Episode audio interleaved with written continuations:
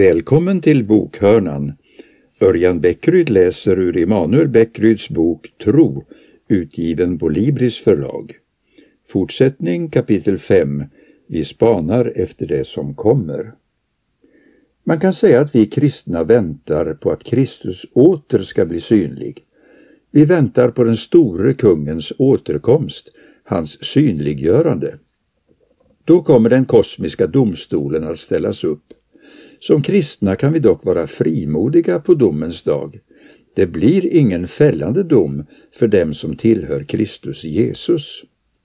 Våra liv kommer att granskas, men det avgörande för utslaget är hur vi förhåller oss till Kristus. Utgångsläget är att vi alla är skyldiga. Vi ligger alla på minus. Alla har syndat och gått miste om härligheten från Gud. Helskinnad genom domens nålsöga kommer den som tagit emot Guds gåva. Den som tror på honom, alltså Jesus, blir inte dömd, men den som inte tror är redan dömd eftersom han inte har trott på Guds ende sons namn. Ingen vet när Kristus åter blir synlig mitt ibland oss, men när han kommer sker det plötsligt och synligt för alla. Det kommer inte att finnas något tvivel. Varje öga ska se honom. Alla kommer att se vår store Gud och frälsare Kristus Jesus träda fram i sin härlighet. Några invändningar. Låt oss nu se på fyra tänkbara invändningar till det kristna hoppet om återkomst, dom och en ny värld.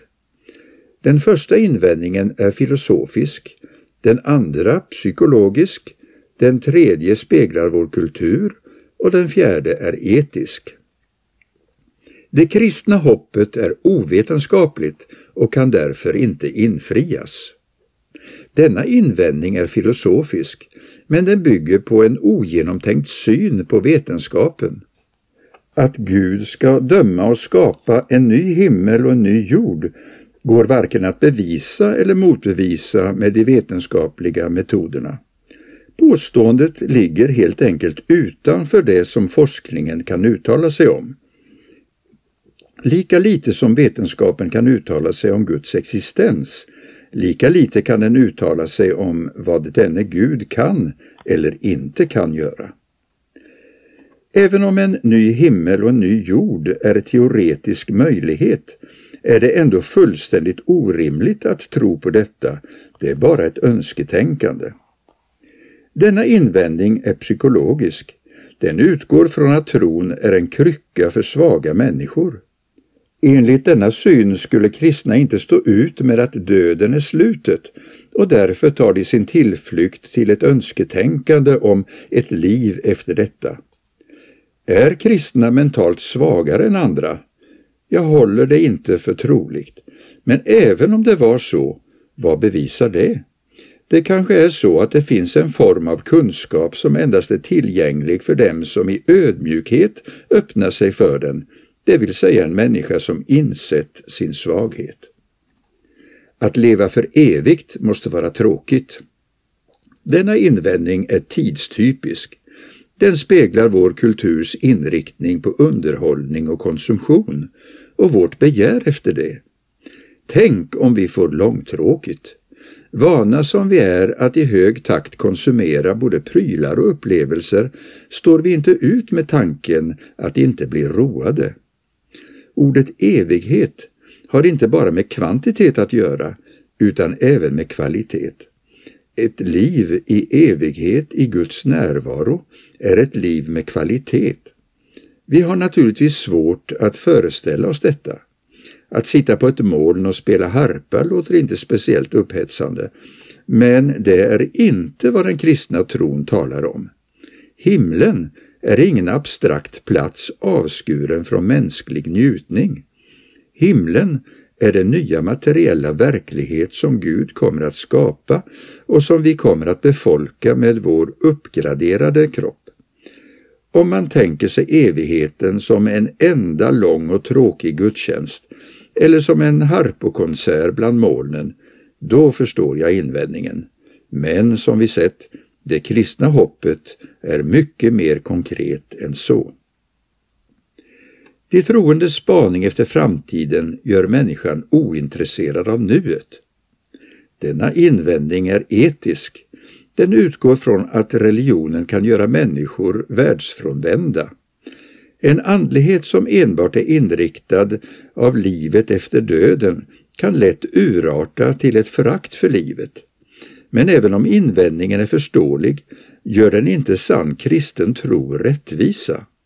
Visserligen är tron inriktad på framtiden, men själva poängen med denna inriktning är att de kristna i nuet ska leva ut det som en dag ska komma. Kyrkans uppdrag i världen är att vara ett hoppfullt vårtecken som visar att Guds rike håller på att bryta fram i denna världens vinter. Med ett antal bildspråk kan man säga att kyrkans roll är att vara en försmak. Själva middagen har ännu inte kommit, men den kristna gemenskapen ska vara en aptitretare som visar världen vad Gud har tänkt sig. Eftersom kristna kommer att dela en evighet tillsammans är det till exempel viktigt för dem att redan här och nu leva i fred med varandra.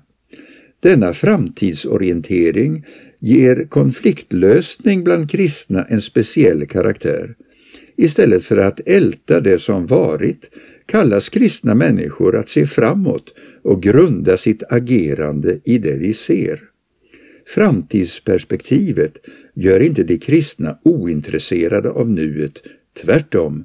Som vi ska se i nästa kapitel handlar kristen tro i allra högsta grad om nuet. Låt oss sammanfatta.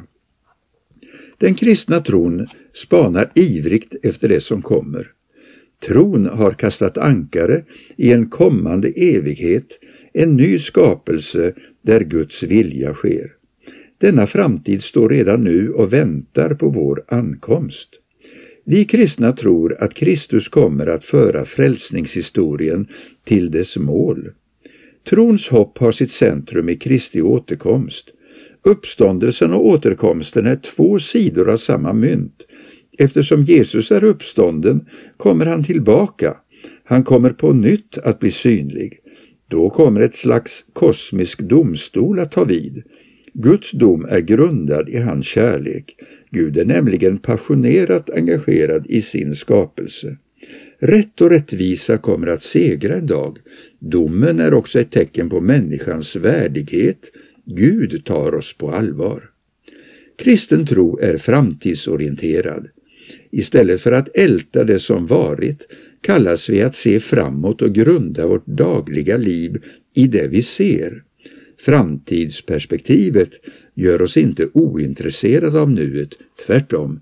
Vi vill redan här och nu leva i samklang med det som kommer att gälla för allt och alla i evighet. Kapitel 6 Vi följer Kristus i nuet. Eftersom jag är uppvuxen i Frankrike har jag en del luckor när det gäller svensk kultur.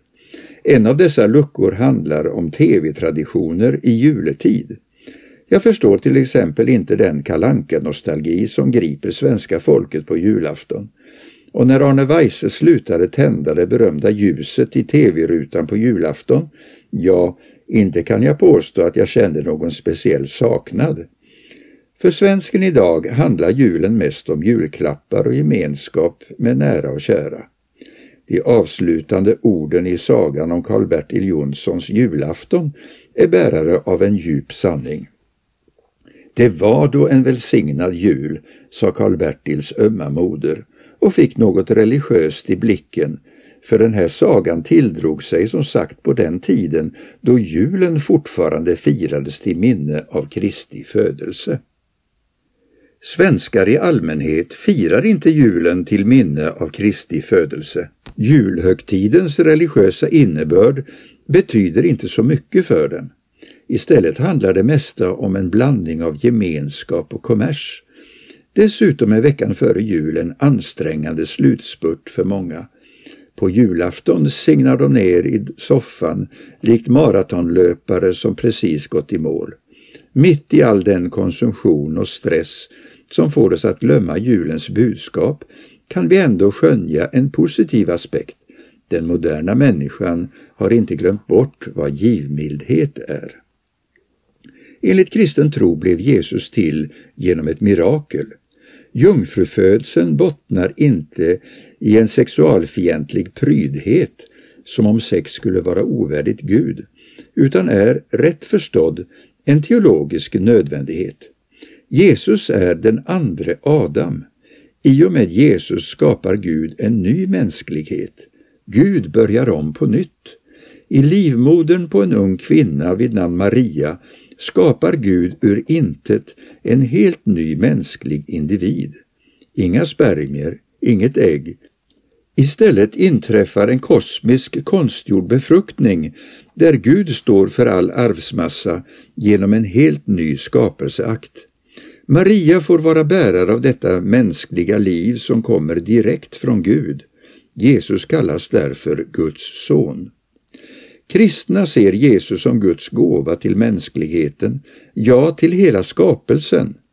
I Jesus från Nasaret får Gud ett ansikte. Gud ger sig själv till oss och kommer till oss som en av oss. Det är ju det julen handlar om, Guds gåva till oss. Gud räcker oss en kosmisk julklapp. Frågan är vad vi gör med den.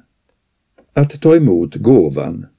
Att vår tro är grundad i det som varit och att vi spanar efter det som kommer gör oss inte ointresserade av nuet.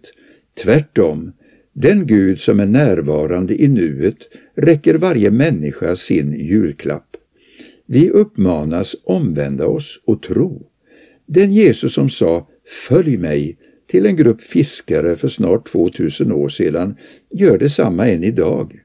Genom seklerna ljuder denna kallelse med oförändrad styrka.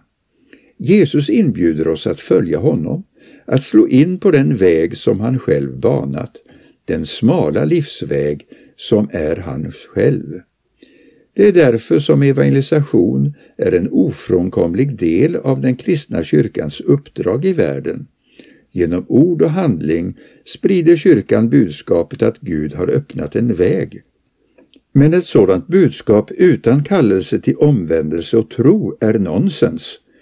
Kristen tro är inte en terapeutisk religion som syftar till att bekräfta människor i de val de redan fattat. Budskapet om Jesus Kristus utmanar och lämnar ingen ro. Det väcker förargelse och irritation på grund av de unika anspråken. Självfallet är detta ingen ursäkt för kristen arrogans eller besserwisser-attityd. Men i en tid då religion ofta associeras med sökandet efter välbefinnande och värdegrund är det nödvändigt att gång på gång slå fast Kristen tro handlar inte om att må bra eller att finna allmänmänskliga livsvärden. Kristen tro är att relatera till den Gud som faktiskt finns till och som tar på allvar hur vi människor lever våra liv. Det är ett hisnande och provocerande budskap. Att leva som kristen innebär också att ta upp kampen mot de kaosmakter som hotar det sant mänskliga och försöker få oss att leva livet som om Gud inte fanns. Vad denna kamp innebär kommer vi att gå in på senare i boken. Men kampen uppstår inte förrän vi tagit emot gåvan, vilket detta kapitel handlar om. När barn får paket tar de emot det med glädje och nyfikenhet. Det första de gör är att riva sönder presentpappret, för annars kan de inte börja leka. Här finner jag en viktig och tänkvärd analogi. För att få del av Guds gåva är det nödvändigt att öppna paketet. Vi måste riva sönder pappret. Det är knappast en prestation för barnet att riva upp pappret, men det är nödvändigt, annars kan man inte leka. Att öppna paketet är i sig enkelt, men det måste göras. På motsvarande sätt är det nödvändigt att öppna Guds paket för att få del av hans gåva. Det är ingen prestation, men det är nödvändigt.